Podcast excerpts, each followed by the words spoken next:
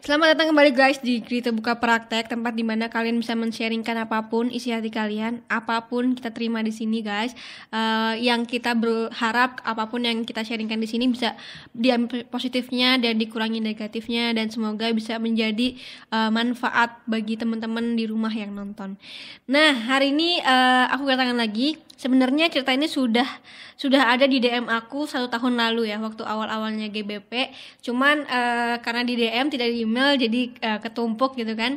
Nah eh, sekarang ada Mbak Desi yang eh, sempat viral di TikTok kemarin sampai di views eh, viewsnya itu viewersnya itu 3,5 juta eh, viewers tentang bagaimana dia menghadapi toxic family yang dia dapatkan. Oke, eh, thank you banget udah datang ke sini. Harusnya tahun lalu tapi tahun hari ini adalah waktu yang tepat Ya karena Tuhan punya waktunya masing-masing.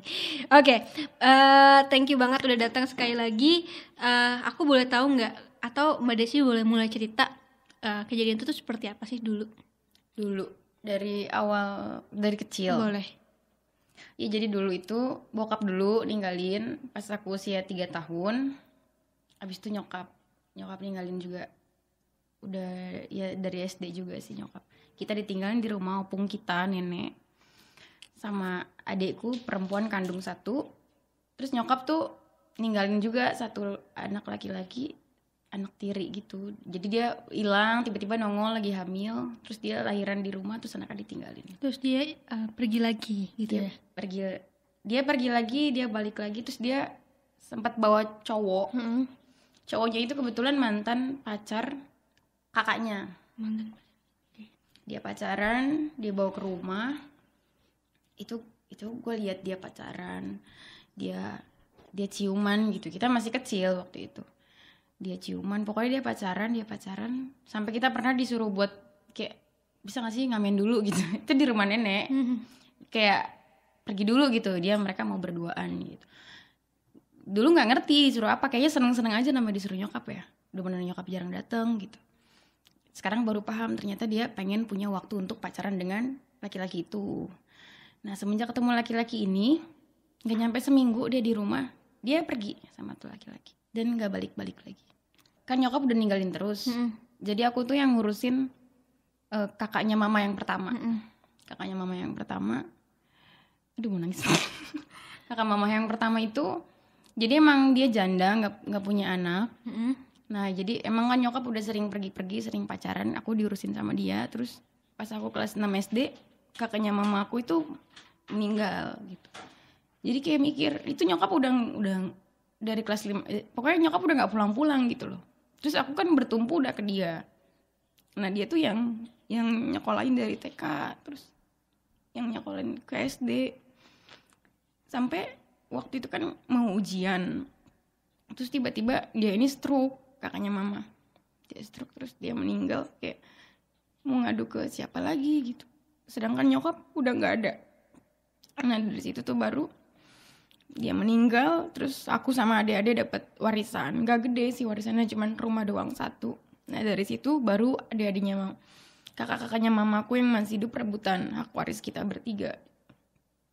Nah udah semenjak dia meninggal baru tuh penyiksaannya tuh dimulai kayak kayak maksudnya kalau anak kecil salahnya apa sih? Kayak kita kita nonton. Yang harusnya mungkin dia nyuruh kita untuk nyuci piring gitu. Cuman kan kita masih nonton nanti nanti dipukul di ditendang atau nggak dikatain emang an- buah jatuh nggak nggak jauh dari pohonnya gitu. Mamanya pelacur anaknya pasti pelacur. Itu dari dari SMP gue tuh udah dikata-katain lonte kayak gitu-gitu. Maksudnya mungkin beban kali ya. Ngurusin. Mungkin tante gue juga beban ngurusin kita gitu. Cuman gitu jahat-jahatnya tante gue dia nggak pernah bener-bener ngusir dari rumah nggak pernah bener-bener ninggalin dibanding nyokap yang nggak nggak balik sama sekali. Pokoknya semenjak nyokap pergi tuh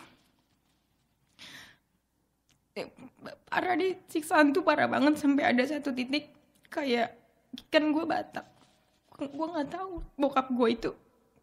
Apa sih Manjuntak kalau Batak itu kan ada silsilah ya.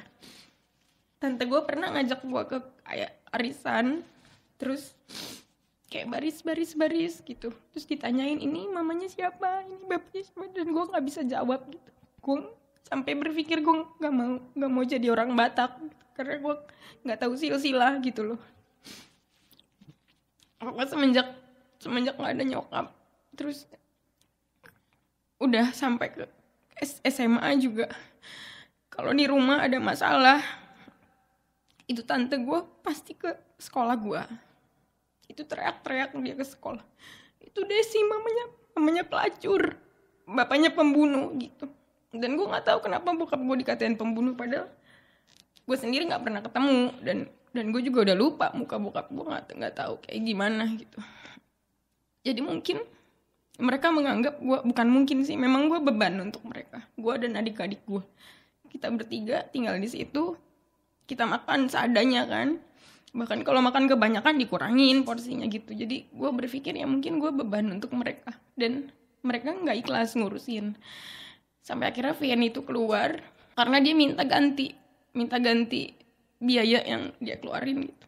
Kayak kayak gue jajan jajan mie ayam aja tuh dicatat sama dia tuh. Jadi bukunya tebel gue harus ganti sampai 42 juta katanya. Dan gue nggak kasih maksud gue ya gue nggak bisa kasih uang sebanyak itu gitu. Ya udah keluar akhirnya uh, VN yang gue posting di TikTok. Mak lu aja bilang lu pelacur gitu katanya. Ya udah pelacur mau pelacur kata dia gitu gue bisa jamin gue nggak nggak pernah nggak pernah nggak pernah jadi pelacur Oke, Eh, makasih banget kamu udah cerita ke sini.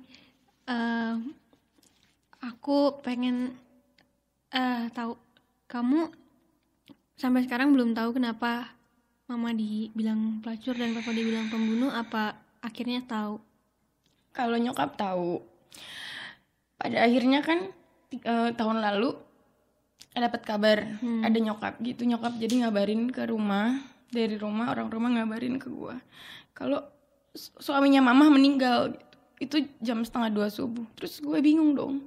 Udah lama banget nggak ada sosok nyokap bokap tiba-tiba gue dapet kabar kayak gini. Pokoknya singkat kata singkat cerita gue samperin tuh nyokap gue itu masih ada mayat suaminya yang baru yang waktu itu ninggalin tuh dulu. Terus dia lagi tidur terus gue samperin itu masih banyak pelayat itu mayatnya juga masih ada gue samperin. Gue nggak pukul gue anda masih kenal saya. Terus dia ngeliat nggak ada penyesalan mukanya nggak ada minta maaf dia cuman ngeliat ya saya ingat. Udah gitu.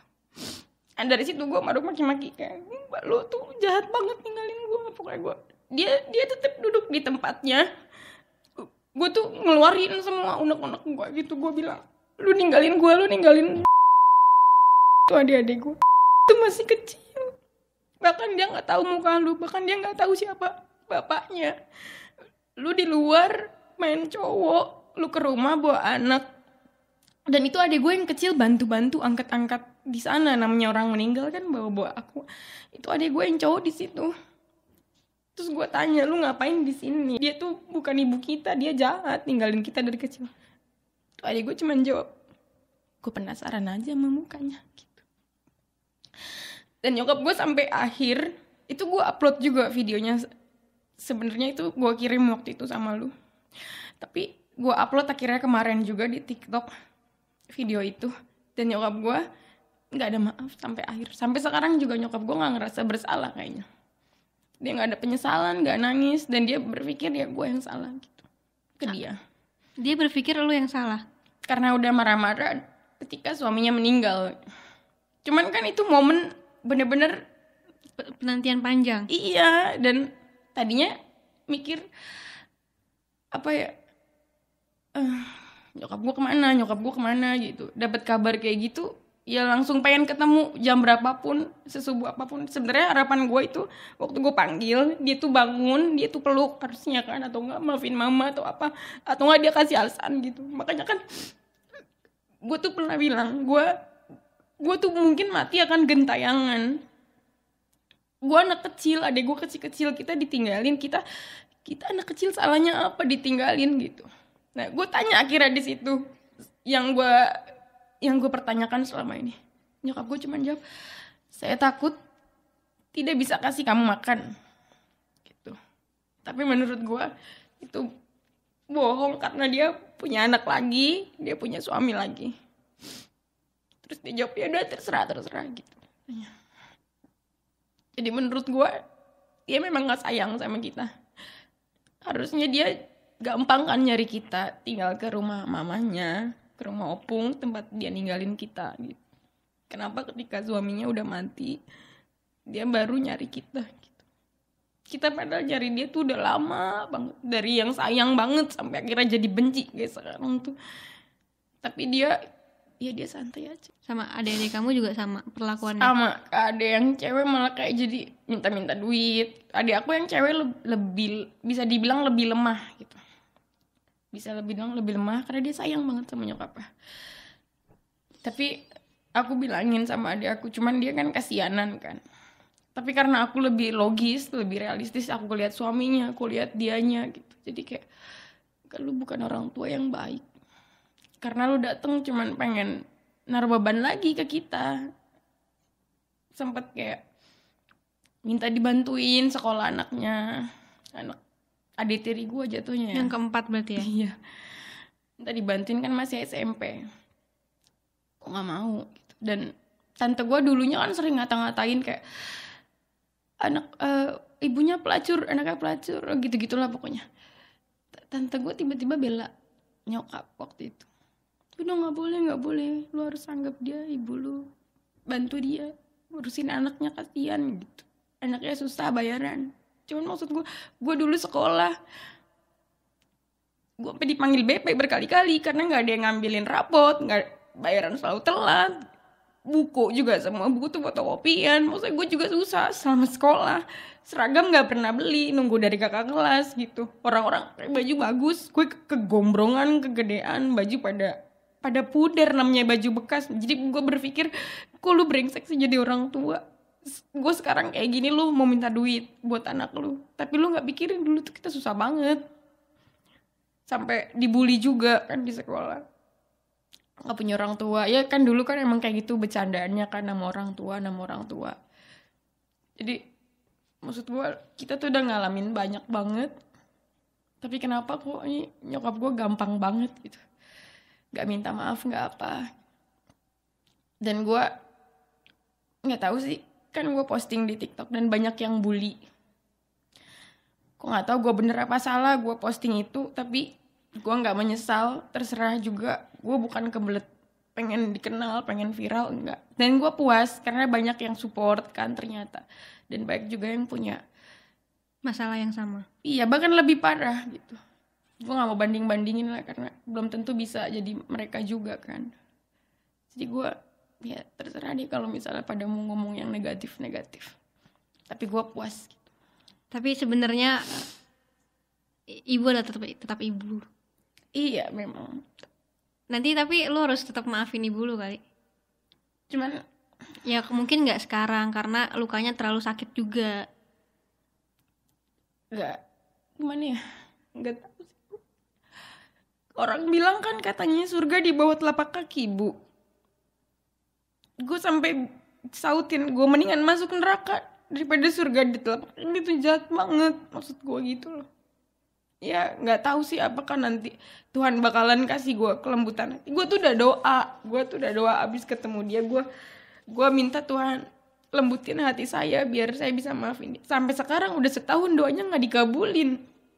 Maksudnya tetap kesel gitu sama tuh orang udah berusaha gitu. Jadi kayak gue juga nggak tahu gimana caranya maafin dia. Nggak apa semua kan proses apa- tapi kan paling nggak lu udah berusaha buat berdoa. Jangan lupa doain nyokap juga kan biar siapa tahu dia tiba-tiba berubah jadi baik. Kan Tuhan pasti ketika lu berdoa juga pasti Tuhan suatu Dia saat bisa sentil hatinya. Dia baik sekarang tapi kan niatnya udah beda. Ya nanti pelan-pelan eh, berkurang sakitnya di disembuhin pelan-pelan. Karena balik lagi ya semua juga tetap aja orang tua. Apalagi kalau nanti lu udah bisa maafin udah bisa ikhlasin dan menerima dengan baik apalagi lu apa ya bisa merangkul nyokap itu pasti pahalanya gede banget. Aku malu punya orang tua kayak gitu. Malu banget. Semua yang dilakuin sama keluarga gue beban doang.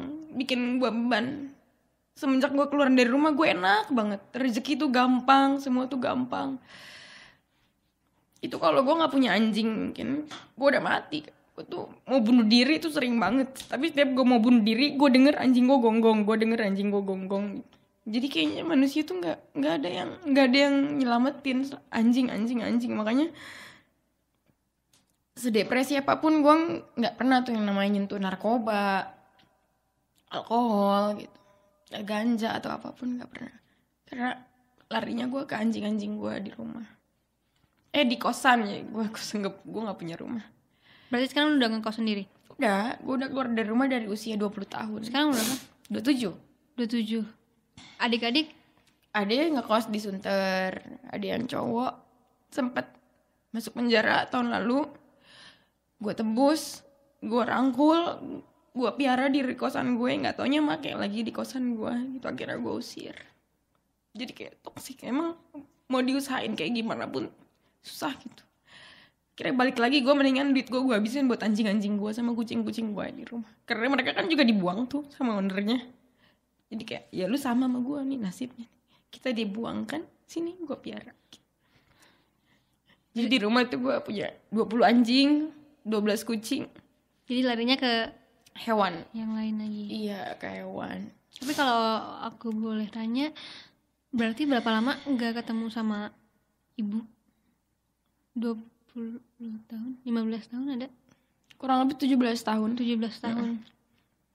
17 tahun dan memang kita tidak pernah tinggal sama-sama dari dulu itu ketemunya misalnya aku naik kelas ketemu Hmm. tiga tahun lagi ketemu gitu nggak pernah benar-benar tinggal nggak pernah disekolahin nggak pernah dianterin sekolah nggak pernah disuapin gitu jadi dia udah jadi dia udah taruh di rumah opung opung ngurusin dia pergi Tapi Opung baik. opung baik tapi opung kan meninggal juga pokoknya yang baik-baik tuh meninggalnya cepet opung meninggal nggak lama tanteku Oh, jadi Opung duluan yang meninggal.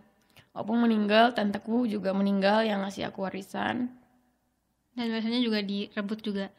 Iya. Kan kita nggak ngerti dulu kan. Akhirnya katanya kurang, kurang, kurang ya udah gitu. Jadi sampai sekarang berantemnya itu selalu gara-gara uang. Jadi tante selalu nagih, nagih uang, uang, uang gitu. Jadi kalau nggak dikasih ya gitu marahnya. Setelah pertemuan pertama sama mama waktu uh, suaminya meninggal, pernah ketemu mama lagi nggak? Pertemuan kedua itu kan nyokap September ketemu pertama kali. Eh Oktober, sorry Oktober tanggal 2 2019. Ketemu lagi tuh yang kedua waktu eh adik aku ketangkep. Adik aku ketangkep itu tanggal 11 Desember. Jadi Oktober, November, Desember, dua bulan doang kan. Nah itu tuh ketemu lagi sama nyokap. Nyokap nyamperin adik ke kantor polisi. Aku udah di situ, udah nungguin adik kan. Dia duduk depan aku, terus dia ngomong gini, udah biarin aja lagian gue gak ada duit. Jadi kita kan mau ini anak ini kan mau kita ambil kan. Terus kayak kesel aja gitu terus aku sautin gini, emang lu nggak punya hati ya? Aku gitu. Lu nggak kasihan dia di penjara nanti bakalan diapain orang? Kalau emang lu nggak mau bayar, seenggaknya lu tungguin di sini biar dia nggak di apa-apain gitu kan sama yang lain biar orang-orang tahu dia punya wali gue pulang gue nyari duit di rumah gitu tapi dia nggak dia kayak ya udah penjara aja. Akhirnya gue masuk ke kantor polisi dia pulang. Cuman 20 menit paling itu juga ketemu. Gara-gara dia nggak mau nggak mau tahu gitu udah biarin gitu. Luar biasa. Kamu jadi kakak sekali jadi ibu buat adik-adik kamu berarti ya? iya. Cuman ya gitu adanya makai lagi. Di umur 20 tahun kamu kan waktu itu bilang memutuskan untuk keluar dari rumah. Nah, itu dari rumah tante berarti ya? iya jadi itu rumah opung sebenarnya. Nah tante-tanteku tinggal di situ. Nah, waktu itu kenapa dia memutuskan untuk keluar? karena udah nggak kuat. Hmm. udah nggak kuat banget. Udah parah banget. Jadi kayak kita gajian nih aku gajian. Kan harus store store terus. Ada satu titik kayak gajian telat dari perusahaannya. Memang telat nggak sengaja dipaksa untuk nggak kasih gitu. Dia ke kantor. Teriak-teriak itu Desi saya ngurusin dari kecil. Orang tuanya nggak ada. Orang tuanya tuh pelacur. Sekarang udah kerja nggak tahu diri. Gaji disimpan-simpan padahal cuma telat sehari telat dua hari. Atau kurang gitu kan. Nanti dia ke kantor. Mana bosnya Desi? Itu tuh orang kantor aku tuh udah pada ngerti tentang aku kayak gitu. Cuman kan tetap aja malu kan. Sampai kayak deg-degan sendiri. Aduh nih gajian telat nih. Gue ntar disamperin lagi gitu. Terus juga sempat mengutarakan pengen kuliah waktu itu juga kan. Tapi dilarang dia marah karena otomatis uangnya kan akan kebagi tuh. Ya berantem lagi lah di situ. Terus kayak eh gue harus keluar dari sini gitu. nggak maju-maju kalau di situ. Ada tetap di sana tapi waktu itu. Ade diajak nggak mau takut. Karena emang kita nggak pernah keluar kan dari rumah. Ade enggak gue di sini aja gitu. Tapi pada akhirnya Ade yang cewek satu tahun kemudian ngikut aku. Karena pas aku nggak ada jadinya kan dia yang diporotin kan. Dia nggak kuat akhirnya dia mi- minta ikut aku nangis nangis Yang yang kecil, yang kecil. posisinya waktu itu udah bandel banget memang. Aku ajak tapi kan aku sibuk kerja. Yang aku takutin kalau aku kerja dia kayak di rumah makin narkoba atau apa gitu. Jadi aku kayak kirim-kirim aja untuk dia tapi nggak berani bawa anaknya karena dia putus sekolah juga yang terakhir tuh paling hancur sebenarnya Hmm, Doain mungkin kan dari dari benar-benar dari kecil banget dia udah nggak ada siapa pun. Iya betul.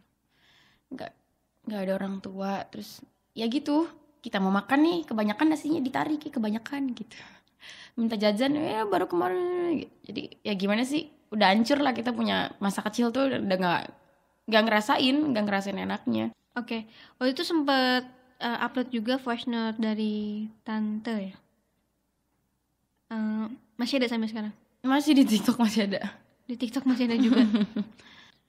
Ini semuanya didengerin. Nah, boleh. lo lihat aja penuh dengan penyakit penyakit dengan caranya ngebersihin tai anjing semua ha Eh, Tuhan itu adil kalau lihat aja nanti lo kawin kagak Hah? Oh, sumpahin lo penuh dengan penyakit lo lo lihat aja penuh dengan penyakit begitu juga adek lo Neo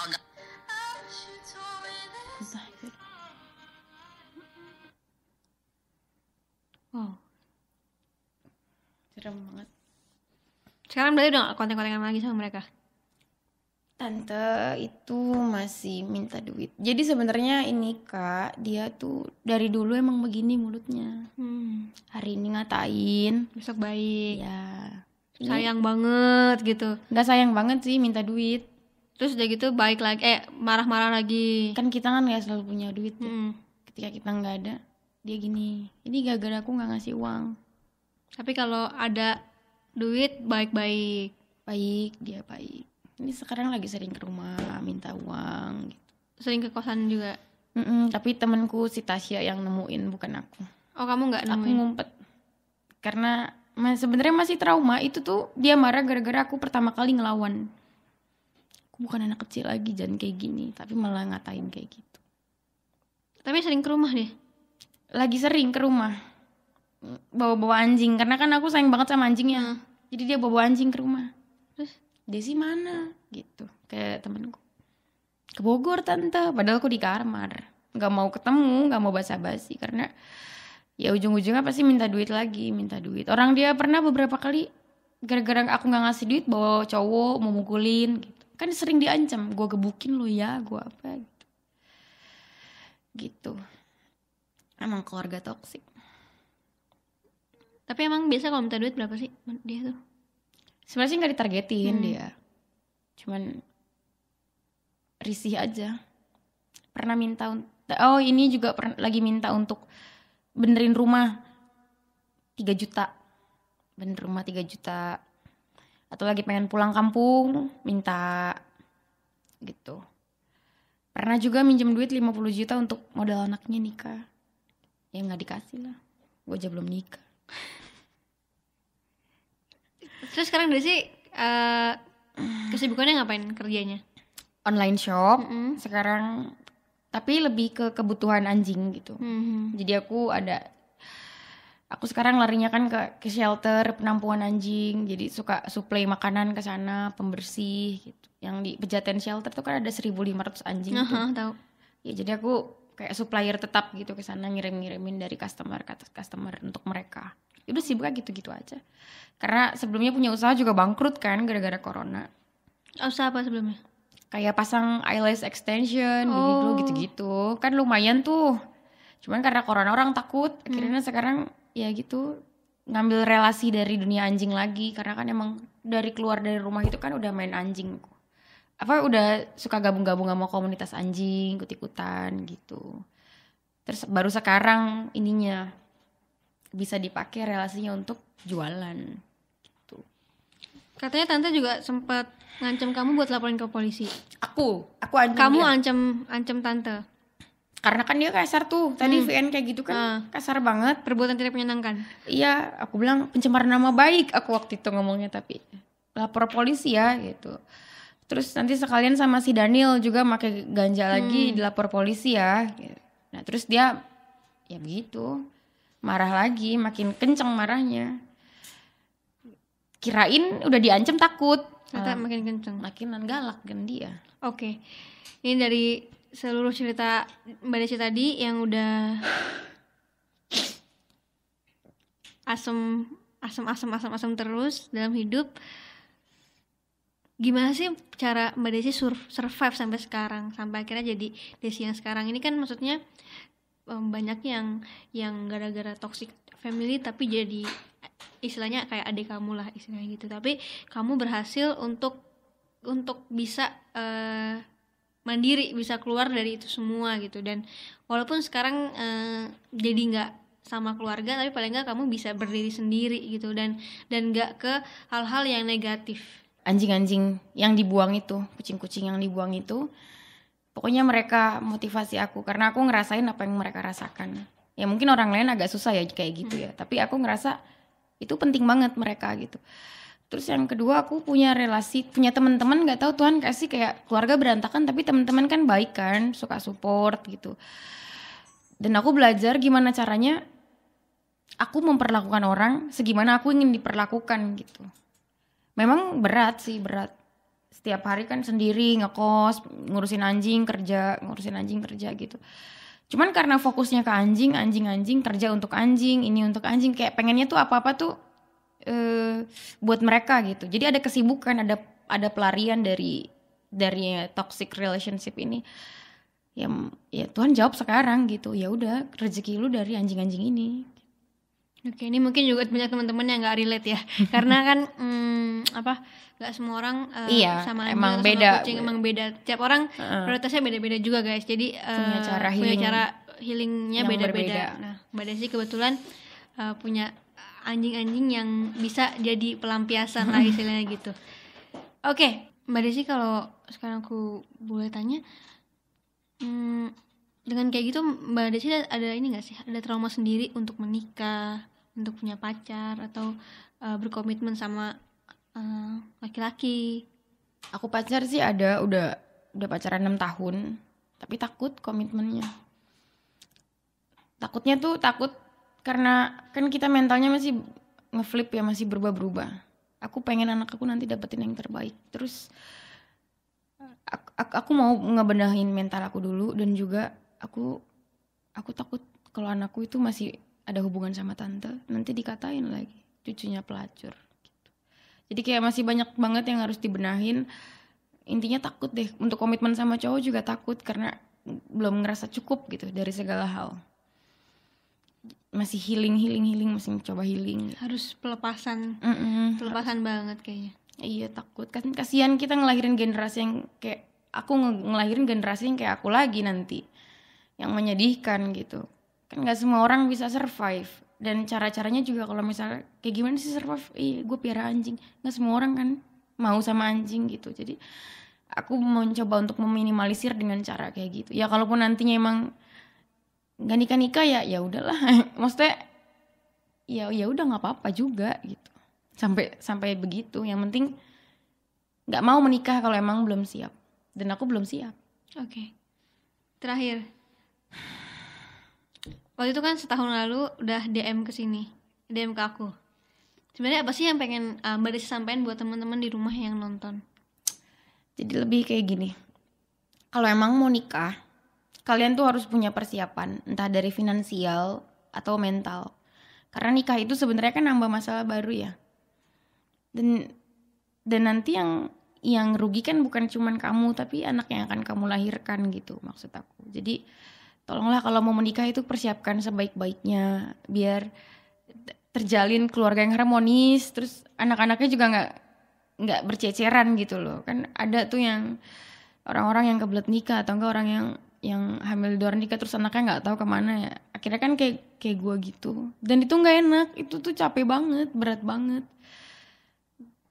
Jadi ya gitu sih. Kayak lebih kayak gitu dan untuk untuk orang tua di mana pun kalian gue cuma mau bilangin ya jangan kayak nyokap gue jangan kayak nyokap gue ya udah itu aja. Kayak kan aku udah ceritain kan nyokap aku kayak gimana. Ya semoga nggak ada yang kayak nyokap aku. Kasihan anaknya. Oke, tapi kalau dari dalam hati kamu yang paling dalam, ada nggak sih kayak rasa sayang sedikit aja sama mama? nggak ada. Nggak ada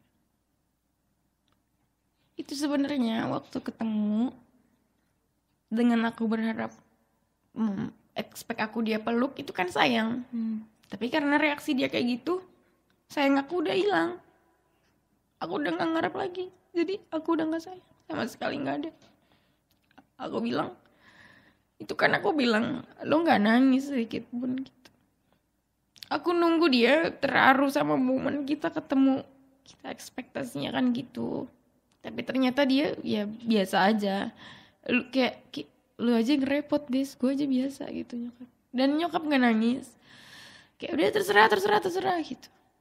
Jadi udah hilang. Di situ sayangnya udah hilang. Aku aku kira dengan ketemu bisa jadi sebuah keluarga lagi. Ternyata enggak.